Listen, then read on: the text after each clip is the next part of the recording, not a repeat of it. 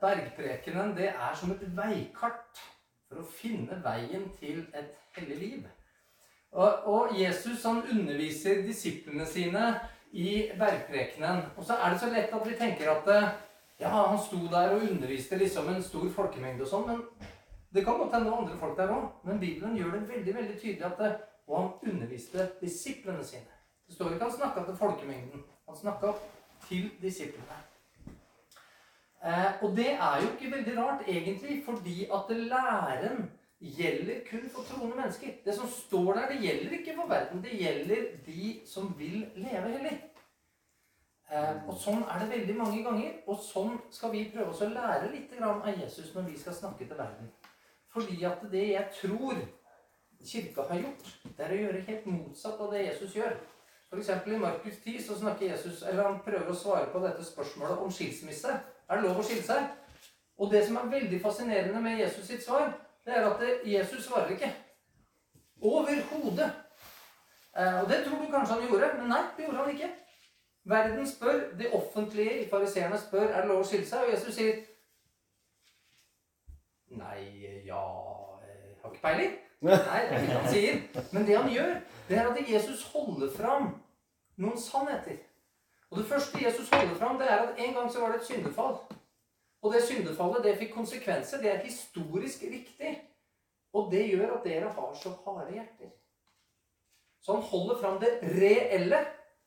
Og så begynner Jesus, og så holder han fram det ideelle.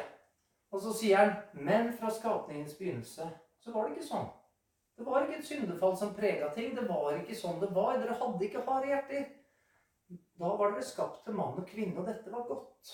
Fordi Jesus holdt også fram at skapelsen var god. Og det er helt essensielt. Når vi mister synet av den gode skapelsen, så har vi ikke lenger noe fundament for noen ting. Og vi klarer ikke å holde fram det reelle og det ideelle. Men så stopper Jesus der. Og i dette spenningsfeltet mellom dette reelle og dette ideelle, så henger bare spørsmålet der er det greit å skille seg. Og Jesus svarer ikke på det. Og disiplene er naturlig nok akkurat like forvirra som du ville vært hvis du hadde fått et sånt ikke-svar. Så når de kommer privat, så spør de Ja, men hva, hva er lov? Er det ikke lov? Hva, hva er greia her, liksom? Så, så begynner Jesus å legge ut kravene til et hellig liv. Men det gjaldt ikke verden. Det gjaldt en troende. Og vi som kirke i mange mange år nå, vi har gjort akkurat motsatt. Vi har ikke snakka om virkeligheten og historien og hva konsekvensen av syndefallet var. Vi har ikke holdt fram det gode fra skapelsen, som mange, av oss, eller mange kristne ikke tror på engang. Men hva vi har holdt fram, det er akkurat det Jesus ikke holder fram. Det er kravene til et hele liv for samfunnet. Og da er det kanskje ikke så rart at vi ikke har hatt så mye gjennomslagskraft når vi gjør helt motsatt av det Jesus gjør. Bergprekenen den taler jo om de som er fattige i egen kraft. De fattige i sin egen ånd, men som gleder seg fordi Herren er blitt deres styrke og som er sorgfulle og synden i eget liv og synden i samfunnet, men som gleder seg i den trøst som Herren gir. Det var det vi så på i veldig korte ordelag rett før ferien. Jesus starter også verkpreken med, å undervise om en rett forståelse igjen av virkeligheten. Det er det han er opptatt av. Du, du, må forstå hva som er sant om deg selv, om Gud, hva du har gjort, hva han har gjort, osv. Både historisk og åndelig sett og, og alt. Eh, og så i dag så fortsetter vi på denne veien da, til et hellig liv med å se på hva Jesus lærer oss om våre holdninger og forventninger. Så Først så er det realiteter ute og går, og det, disse realitetene bør prege våre holdninger og våre forventninger. Eh, og når vi ser sant på virkeligheten, så får det konsekvenser, nemlig. Det er det som er. Når vi tror feil om virkeligheten, så får det konsekvenser. Når vi tror rett om virkeligheten, så får det konsekvenser. Salig er de ydmyke. Og som jeg allerede har hinta litt eh, til, så, så, må jeg si at dette her syns jeg er vanskelig. Jeg syns det er kjempevanskelig å være ydmyk, altså. Eh, for jeg har veldig mye mer lyst til selvhevdelse. Jeg, jeg kjenner det godt sant, når mennesker ser opp til meg eller taler godt om mine ferdigheter eller, eller kunnskap, og så behandler de meg deretter. Fordi du kommer ikke unna det at når noen syns du er ok, så behandler de deg litt bedre enn hvis de syns du er en dust. Jeg liker å bli behandla sånn. Og, og, slik kan jeg kjenne det på tross av at jeg kjenner meg selv mer enn godt nok til å vite at det, det, det er ikke først og fremst noe særlig skryt og ros som jeg fortjener. Jeg gjør ikke det. For jeg vet alt som tenkes her inne, og som kjennes her inne, og, og, og, og føles. Og jeg kjenner egne ambisjoner og, motivasjonen som ligger bak handlingene mine og gjerningene mine. Også de som verden kan oppleve som gode. Og dessuten så må jeg erkjenne at jeg ikke kan ta ære for noe av det som eventuelt er bra heller. Jeg mener, Om du har god fysikk, da, eller, eller et hode som fungerer, eller du er lite plaga med sykdom, eller du, du kjenner ikke noen problemer med depresjon osv. Men det er gaver. Alt sammen. Det er noe du har fått. Og om noe menneske i det hele tatt kunne rose, så var det jo ikke meg eller deg, men det er våre forfedre og mødre. Og jeg mener, misforstå meg ikke, altså Gode ord er kjempeviktige. Det er ikke galt å finne glede og oppmuntring i dem. Og det er også bibelsk å bygge hverandre opp med gode ord. Eh, og det har den egenskapen at når dette gjøres rett, så minsker behovet vårt for å hevde oss selv. For vi har fått det vi trenger. På en sunn måte. Så finnes det likevel noe som er enda mer, eller oppleves enda bedre enn dette her. Og det er jo å få lov til å oppleve nåde og omsorg midt i sine fall og nederlag. Ikke på der du lyktes, men på der du falt. Og bli godtatt og akseptert selv av de som kjenner svakhetene dine. Og Det er ingenting som har større helbredende kraft enn akkurat det. Bekjennelse, tilgivelse. Når Jesus underviser om ydmykhet, så er det ikke slik at han krever det av deg sånn helt uten videre. Det er ikke bare sånn 'vær ydmyk', og så er det liksom ferdig med det. Og så står du der og lurer på hvordan, hvordan, hvordan skal jeg gripe an dette her, og øh, hvem skal jeg se på, og, og sånn. Nei, det er så herlig med Bibelen at det fins ikke ett krav til deg i den boka som ikke er meget godt dokumentert og grunnlagt både i historie og lover og regler og bud, og ikke minst eksempler. Masse, masse, masse eksempler. Det er, det er herlig. Jødene, de eh, Ja, jeg vil først si for så vidt det at eh, her også så er det det at eh, Jesus, når han sier at du skal være ydmyk, så, så gir han først eh, deg en god grunn for at du skal være det. Sant? Du skal bli lykkelig. Det er en ganske god grunn, jeg sier. eh, og så gir han deg motivasjon til det òg. For du skal ved jorda. Så her er du ikke sendt ut på dette her uten ganske gode beveggrunner for å prøve, prøve å følge det han sier. sant? Forholdsvis heftige ting. Og ikke minst så gir han deg også et eksempel til etterfølgelse. Og det er ikke et hvilket som helst eksempel, det er hans eget liv. Hans eget liv. Så Jødene de var jo undertrykka av romerne når Jesus ble født og vokste opp. Og etter en veldig blodig frihetskrig eh, for å frigjøre seg fra grekerne, så gikk det bare en kort tid, så mista de dette selvstyret til romerne i 63 før Kristus, når de ble okkupert igjen. Og dette her, det, det kan vi forstå rent menneskelig. Det skapte en sånn ekstra trang til at Messias nå måtte komme. Måtte få frigjort dem, få, få satt ting i rette stand, på en måte. Eh, og det var altså en veldig stor forventning i folket på denne tiden, fordi Daniels bok vitner om tidspunktet når han skulle komme. Og døperen Johannes hadde begynt å liksom oh, skapt noen forventninger her. Her er det noe som skjer. Eh, så det, det, utløste bare enda mer av disse forventningene som allerede lå der. disse tingene. Og så var det sånn at det, det jødiske samfunnet var delt opp i forskjellige grupperinger. Du hadde f.eks. fariseerne.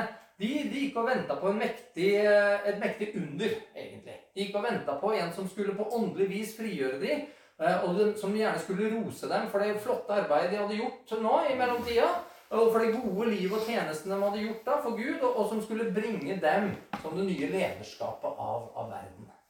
Og Så hadde du sadukeerne, og de venta en Messias som ville gi dem materielle goder og makt her og nå. Var, de, var da, datidens materialister og naturalister. Og så hadde du selotene. Eh, og For å prøve å beskrive de kort, så var det en, en paramilitær gruppe, ville vi kanskje kalt i dag, eh, som også drev med en del sånn snikmyrding og sånn. Eh, det er helliggjengen.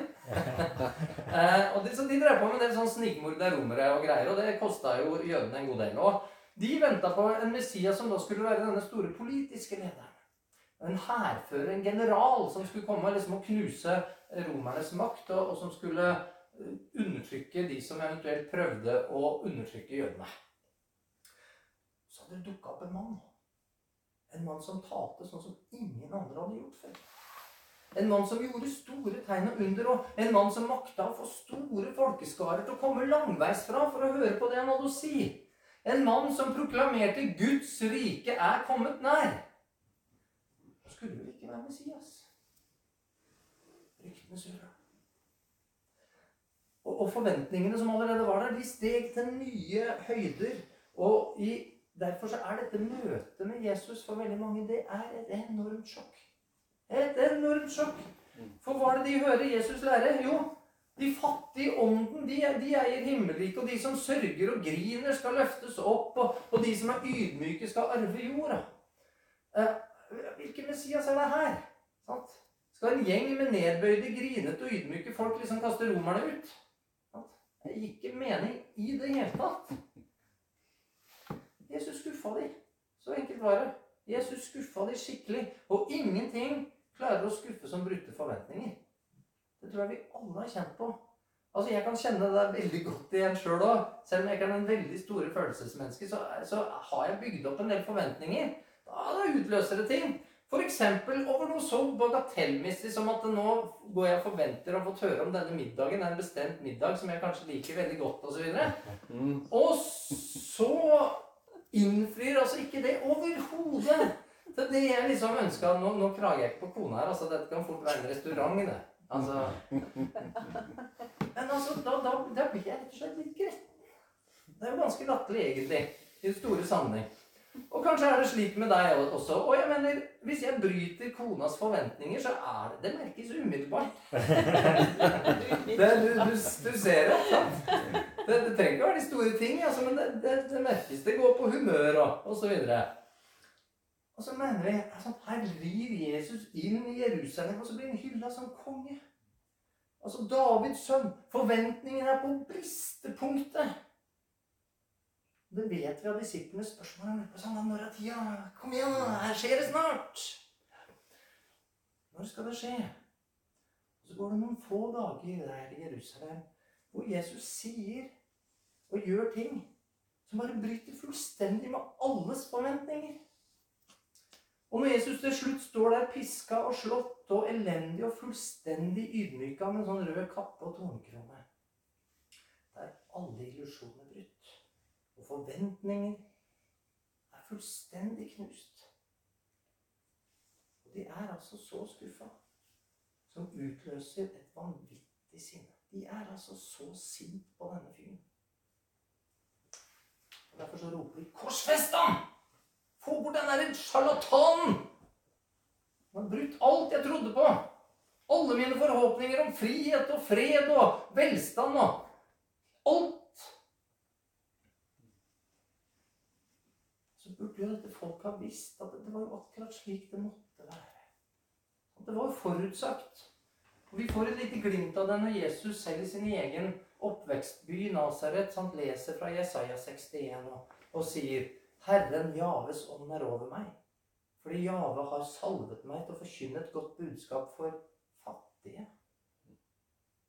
Så fra Lukas som siterer dette igjen, da. Han har sendt meg for å forkynne for fanger at de skal få frihet og få blinde, at de skal få syn for å sette undertrykte fri, for å forkynne et nådens år fra Herren. Jesus var kommet som den lidende tjener, som så til de lave og de nedbøyde og de som hadde et sønderknust hjerte. Og slik er det fortsatt. Men nøyaktig likt i dag. Derfor er det ikke mange høye som har kalt. Ikke mange vise etter menneskelig målstokk. Ikke mange mektige og Jesus han bøyde seg jo ned og vaska disiplenes føtter, og det minst ærefulle arbeidet du kunne tenke deg. Mulig at det vaske latriner eller noe sånt kom enda lavere, men altså, det var omtrent så lavt du kunne komme. Så han ydmyket seg. Han ydmyka seg like til døden på korset. Og kristne i dag ja, Vi er ofte like opptatt av stjerner og, og, og sånn som resten av verden. Og vi syns det er kjempestat når kjente mennesker liksom Kanye West eller Elvis eller Justin Bieber begynner eller liksom bekjenner kristen tro. Og det har nettopp vært en ny bok om Elvis sitt fantastiske kristenliv osv. som har kommet ut. Dette må vi liksom få fram og opp osv. Eh, eller noen mektige, rike folk kaller seg sjøl kristne. Og at flere samtidig lever et liv som ikke på noen måte synes å være forenlig med kristen bekjennelse, det, det, det er visst ikke viktig. Det blir undertrykt. Det er liksom det er så mye viktigere at denne personen er en av oss, enn at han lever sånn som han burde. Da sier jeg ikke noe om disse menneskenes frelse, som jeg har nevnt. bare så det er sagt. Kristen tro er for en ydmyke. Så verdens pris og ære og makt og penger det blir veldig veldig lett et hinder for et menneske. Det er ikke lett å være ydmyk i en sånn situasjon. Det er fryktelig, fryktelig vanskelig. Dere kjenner sikkert ordtaket sant, det, det krever en uh, viss rygg å bære motgang, men det krever bare mye, mye mer rygg til å bære suksess. Det, det er sant. Og så lurer du kanskje på nå sånn, hva var egentlig forskjellen mellom det å være fattig i ånden og det å være ydmyk? Eh, Jesus har jo snakka om dette i en viss sånn progresjon. Og det er et veldig godt spørsmål, for dersom man skjønner at man er en synder, og man ser sin egen utilstrekkelighet, så, så skulle man tro at da er man jo ydmyk. Det burde liksom følge, ikke sant? Det er logisk. Ja, Og det virker sånn ved første øyekast. Eh, og så er det sånn at både det å være fattig i ånden og ydmyk det kommer fra det samme roten på originalspråket, sånn ordmessig. Og noen plasser i Bibelen så, så kunne disse uttrykkene egentlig bli brukt litt om hverandre.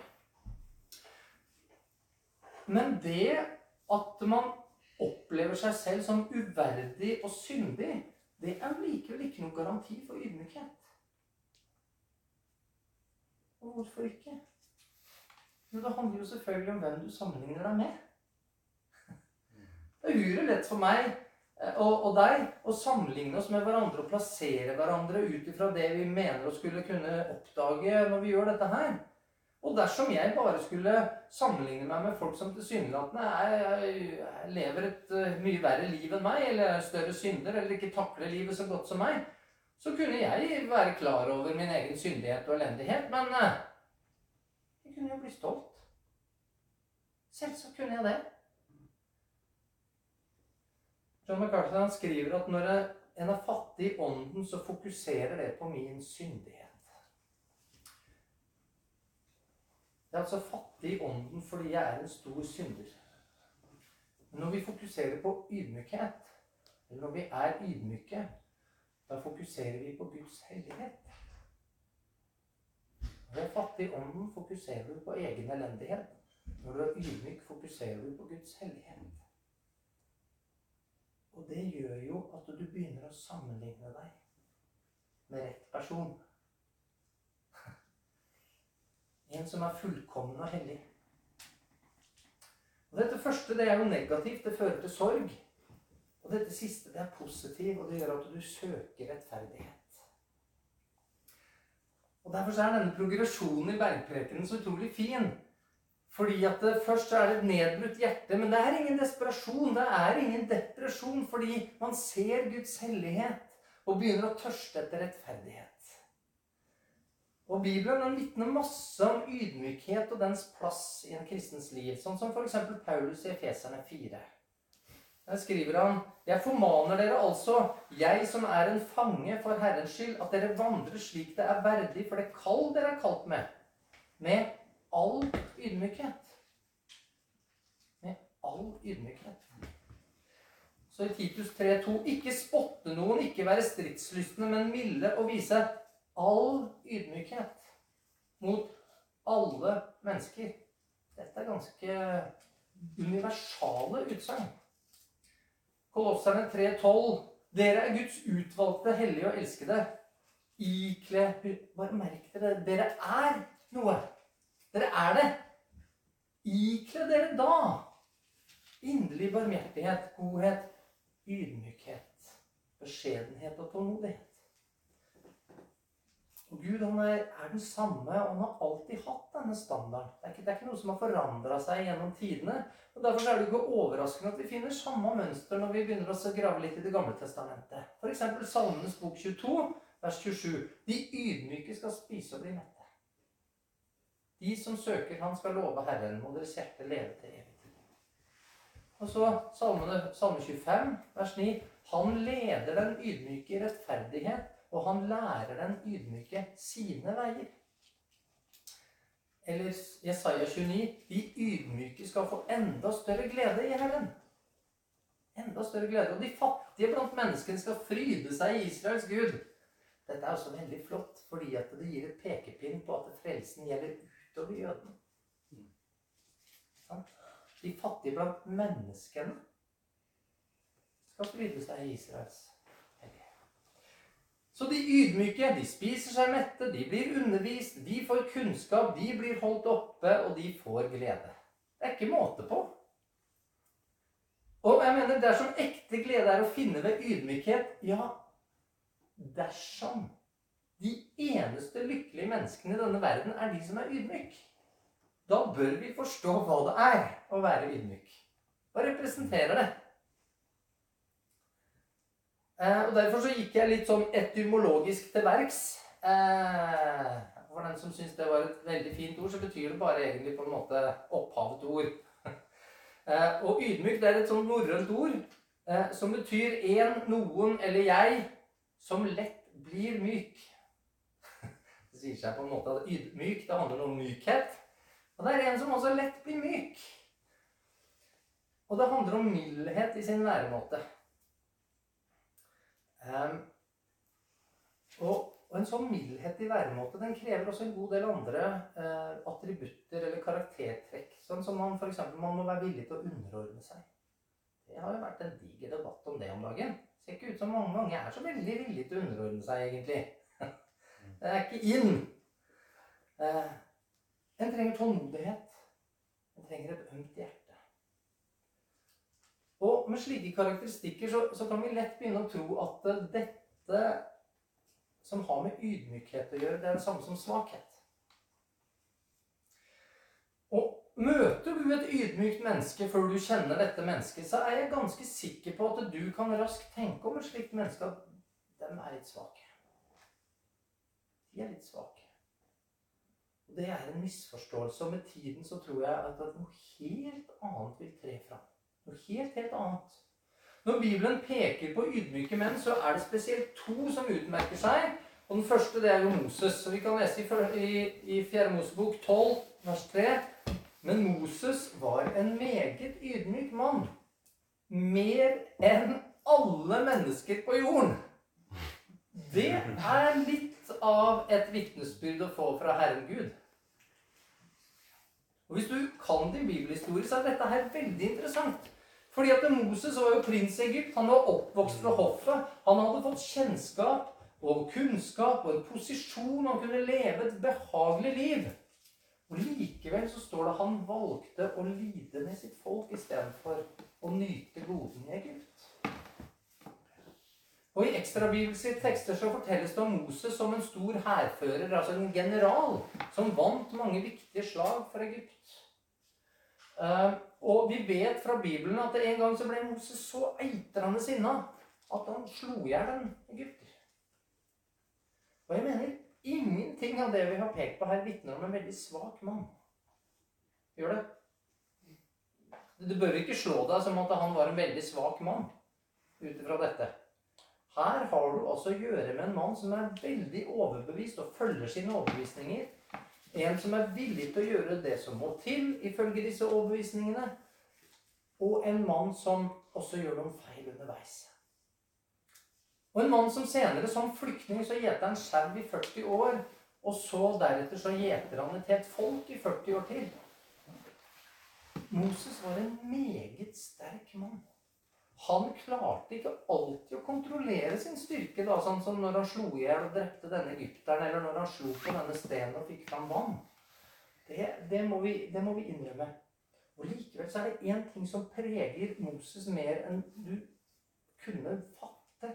Og det er hvordan han har en enorm evne til å kontrollere og undertrykke sin styrke og den maktposisjon han sitter en enorm evne til å kontrollere seg selv.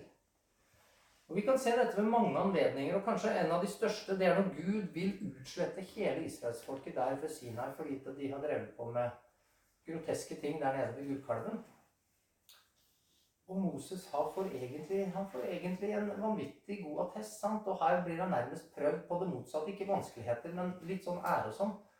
Nå kan jeg ta deg, liksom. Nå kan jeg ta deg, og så kan jeg gjøre deg til mitt folk. Han blir den nye Abraham. Har du tenkt på det?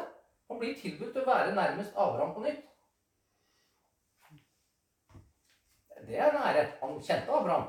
Han visste hva det betydde. Men han krever altså ikke dette på sine vegne. Han går i forbønn for folk. Og Den andre personen i Bibelen som er spesielt ydmyk, er jo, er jo naturlig nok Jesus. Og jeg tror Jesus kunne virke svak på veldig mange som møtte ham. Altså, Han blir trøtt, han blir sliten. Han blir lei seg. Han blir irritert til tider. Eh, han blir såra. Han blir mobba og spotta, og han må stadig vekk trekke seg unna for å være for seg sjøl. Makter han ikke å stå i den oppgaven? Ja. Mange ting man kunne tenkt om dette her.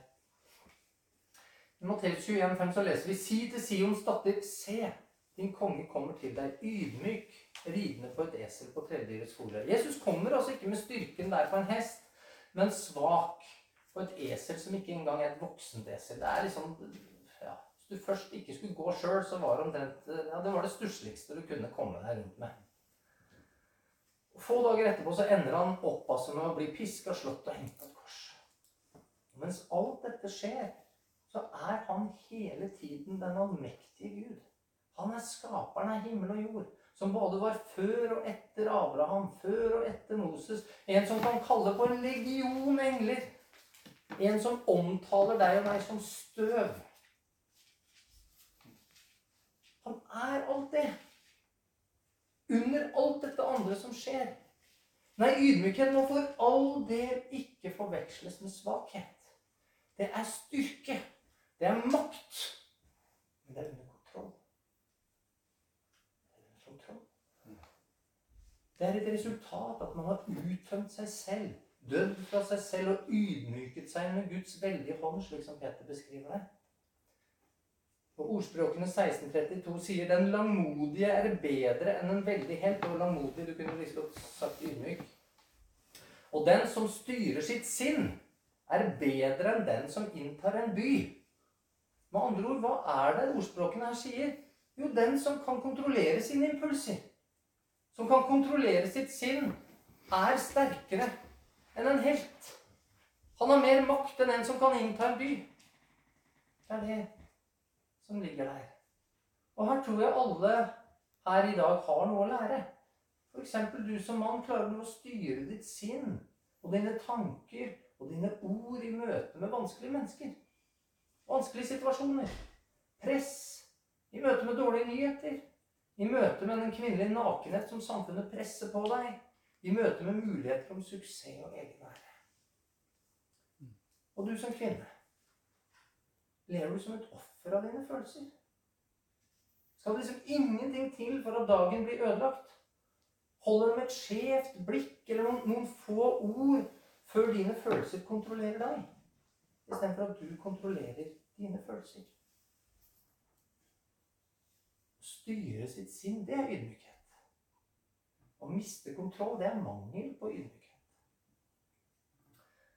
Og en utemma hest han kan bare ødelegge. Mens en hest som er temma, eller, eller brutt, som man gjerne kan si Altså du bryter ned en hest sin vilje osv. for å temme den. Det er det du gjør. Du bryter den ned. Den kan gjøre veldig mye godt. Men det er jo akkurat den samme kraften. Det er den samme hesten. Den samme kraften som er til stede i begge sånne typer hester. Men bare den styrke som er under kontroll, kan brukes til noe godt og noe som er oppbyggelig. Og en mild bris den, den kan kjøle ned, og den beroliger. En orkan den dreper jo.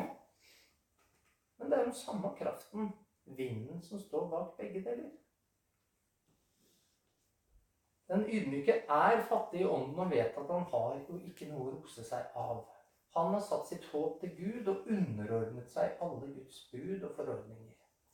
Og ikke, en, slik person trenger ikke å forsvare seg selv. Han, han, trenger ikke å gå rundt og bære nag. Han trenger ikke å bli sint over det som blir gjort mot ham. Han har, han har jo ingenting å miste. Det er dette Paulus skriver så fantastisk om. Sant? For meg er å leve Kristus og døden en vinning. Altså, Du har jo ingenting å miste. Fordi håpet ditt er en annen plass. Og den som er helt nede, han trenger ikke akkurat å bekymre seg for fall. Du kommer ikke lenger ned. Det er ingenting verre som kan skje i denne verden enn det som allerede har skjedd. Men en tidligere misjonærer hadde den innstillingen. Jeg hørte om en som eksempel, han, han skulle reise inn til en stamme som aldri hadde hørt, og som var kannibaler, og det var den sikre død. Mente absolutt alle. Og så ble han konfrontert med dette når han da var på plass.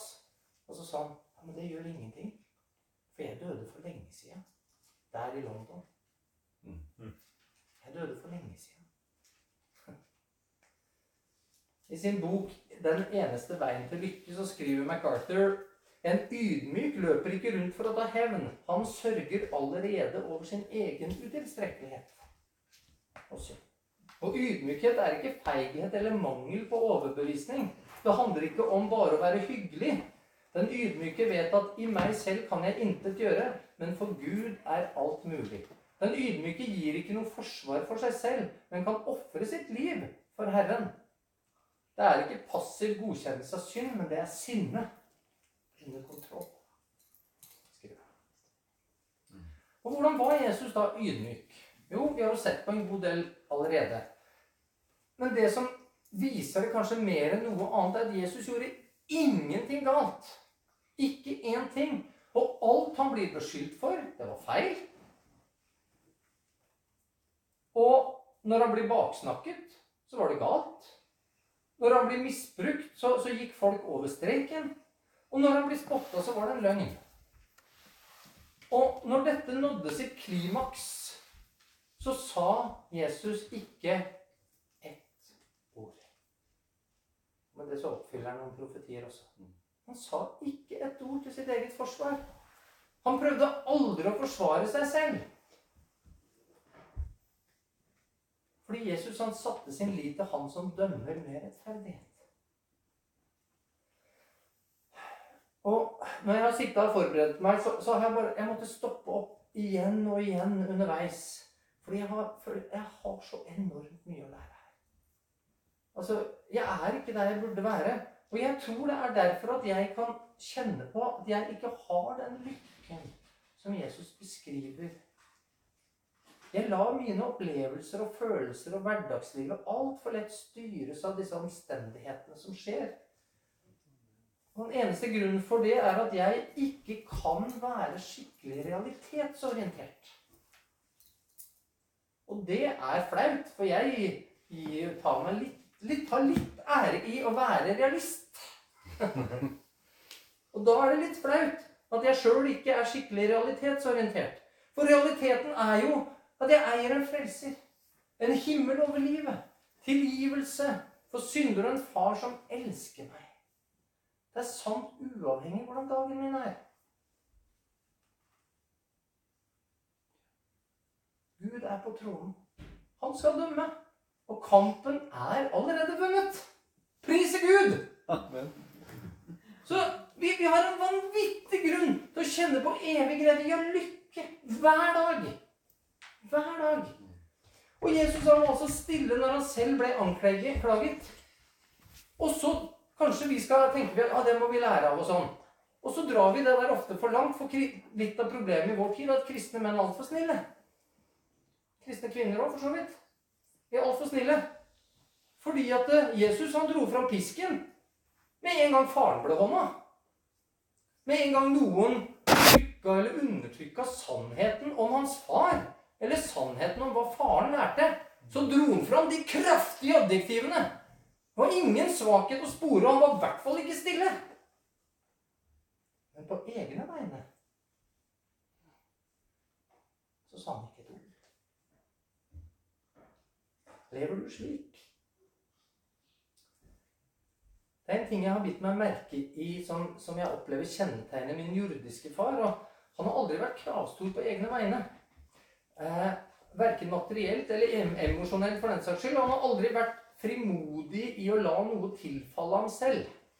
Eh, men han har vært enormt frimodig på misjonens vegne. Og Denne kontrasten har, har, har, slått meg mange ganger opp gjennom min, eh, min, oppvekst.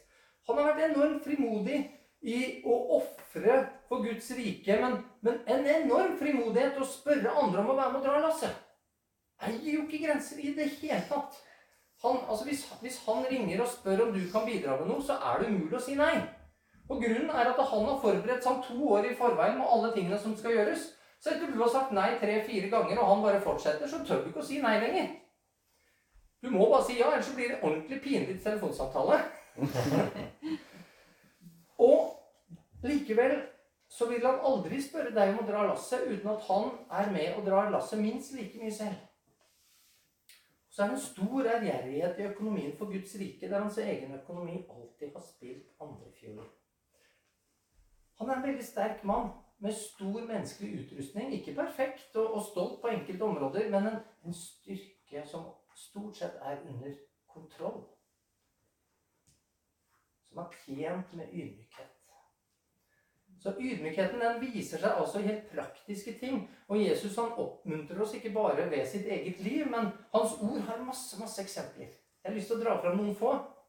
Og Et veldig godt et er fra Abraham sitt liv. Han, han har tatt seg av nevøen sin Lot. Og etter hvert som Lot er blitt voksen og har egen familie, så, så kommer Lot sine gjetere og Abraham sine gjetere i konflikt. Dette er ordentlig konflikt, altså. Det er kamp om ressurser. Enten så dør sauene dine, eller så dør sauene mine. Dette er, det er alvorlige greier. Og dette er jo ting de er helt avhengige av for å leve. Og Abraham han kunne sagt Nå har jeg tatt meg av deg i alle år. Du er her bare på grunn av meg. Jeg er bæreren av løftene. Det er med meg Gud snakker. Det er med meg Gud har inngått sin pakt. Få sauene dine vekk. Alt dette hadde vært sant. Så leser vi i 1. Mosebok 13.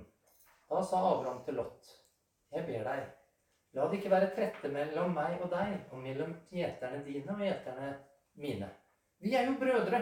Ligger ikke hele landet åpent for deg? Jeg ber deg, skill deg fra meg. Hvis du tar til venstre, vil jeg dra til høyre. Hvis du tar til høyre, vil jeg dra til venstre. Velg først. Du kan ta det beste. Jeg går dit hvor du ikke går. Det er ydmykhet. Når man ser seg selv i lyset fra Guds ord og sammenligner seg med den hellige Gud, så skapes en holdning til andre mennesker. Slik var det med Abraham. Det var det, det som gjorde at han kunne gjøre det han gjorde. Han, han begynte å sammenligne seg med de rette folka. Gjør ikke noe av ærgjerrighet eller av lyst til tom ære, men akt hverandre i ydmykhet. Høyere enn dere selv, skriver Paulus til filipperne i 2 vers 3. Og En annen som hadde makt, var Josef i møte med brødrene sine i Egypt. Når de kommer og bønnfaller ham om korn. Og Josef han var ydmyk. Han var ikke nag. Han var den fremste i landet etter farao. Hans ord var lov. Det var makt under kontroll. Det er selvbeherskelse. Han har så stor selvbeherskelse der at når han må slippe maska, så hylgriner han i rommet ved siden av. Da har du anstrengt deg. Så hvis, dette, hvis noen sier ah, men det, han var jo så hellig, det var lett Nei, det var ikke lett. Ingen som lover at dette er lett.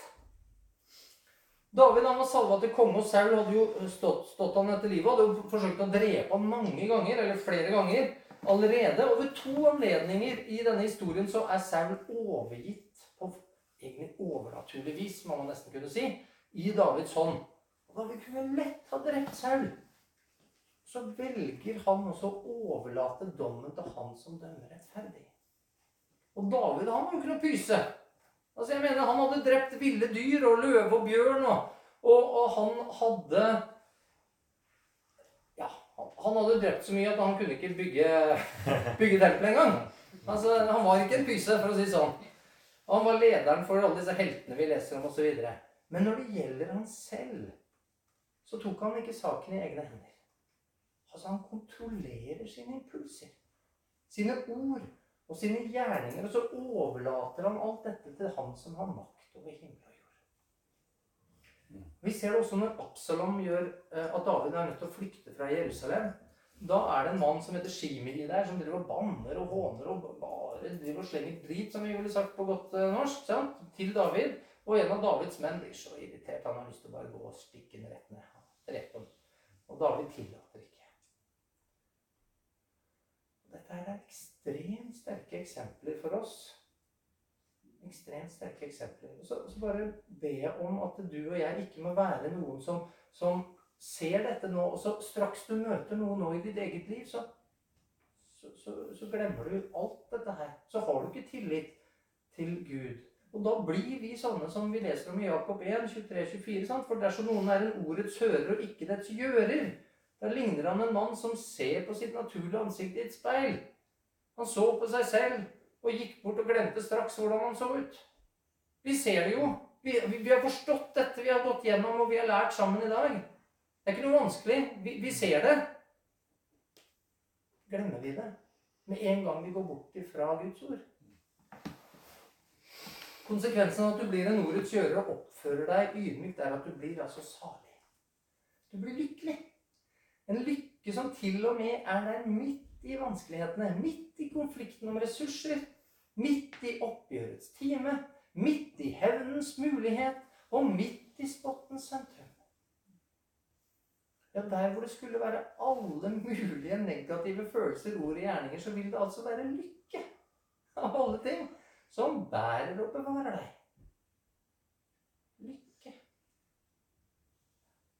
Og den andre konsekvensen er at den ydmyke skal arve jorden. Det er den som er nedbrutt av synd, og som sørger over det som kan bli ydmyk. Kun den som i sin nedbrutthet søker Gud og mottar trøst, eh, og begynner å sammenligne seg med den hellige Gud, den blir ydmyk. Og det er kun den ydmyke som gis arverett til Guds rike. Det er ingen andre. Og løftet om arverett det gjelder jo et rike som ligger fram i tid. Nå skal vi gå inn for landing her. Det er et løfte som ikke er synlig. Og er det ikke interessant om hvordan Israel og, og dette alltid er et forbilde for oss? Fordi at Israel har også et løfte om et land. De har lovet alt land helt bort til Eufrat-elven. Og i dag så kan de ikke krysse Jordanelven engang. Og hvis de prøver, så får de kjeft av hele verden. hvis du òg prøver å innta landet for tidlig, så så gjør du noe galt, på en måte. Men vi har altså dette løftet. Og en dag så skal vi altså få arverett. Det skal stadfestes. Jødene på Jesu tid de trodde at når Messias kom, så ville landet bli gitt. Den sterke, den religiøse, den rike. Den som ikke godtar sånn undertrykkelse, og som gjerne gjør opprør. Så sier Jesus nei, nei, nei. Landet blir gitt den ydmyke. Så oppsummerer egentlig ordspråkene dette på en veldig fin måte i ordspråkene 22,4. Lønnen for ydmykhet og frykt for Herren er rikdom, ære og liv. Rikdom, ære og liv. Kjære Herre, vi takker deg for eh, ditt ord til oss i dag. Vi takker deg for det vi kan få se, og hvilke eksempler som vises, og hvilke forbilder som males for våre øyne, så ber jeg deg, Herre, gjør oss sterke, og ikke svake. Gjør oss så sterke at vi klarer å kontrollere vårt sinn, våre impulser, våre følelser. Gi oss kunnskap slik at vi ser realiteten rett. Både den realiteten som alt ligger der i form av historien og denne realiteten som er så salig som venter oss der framme. Hjelp oss å leve i en slik realitetsoverbevisning som gjør at vi ikke glemmer. At vi ikke glemmer når vi står der og møter disse tingene i vårt eget liv, Herre. At vi da er så sterke at vi kan være ydmyke. Amen.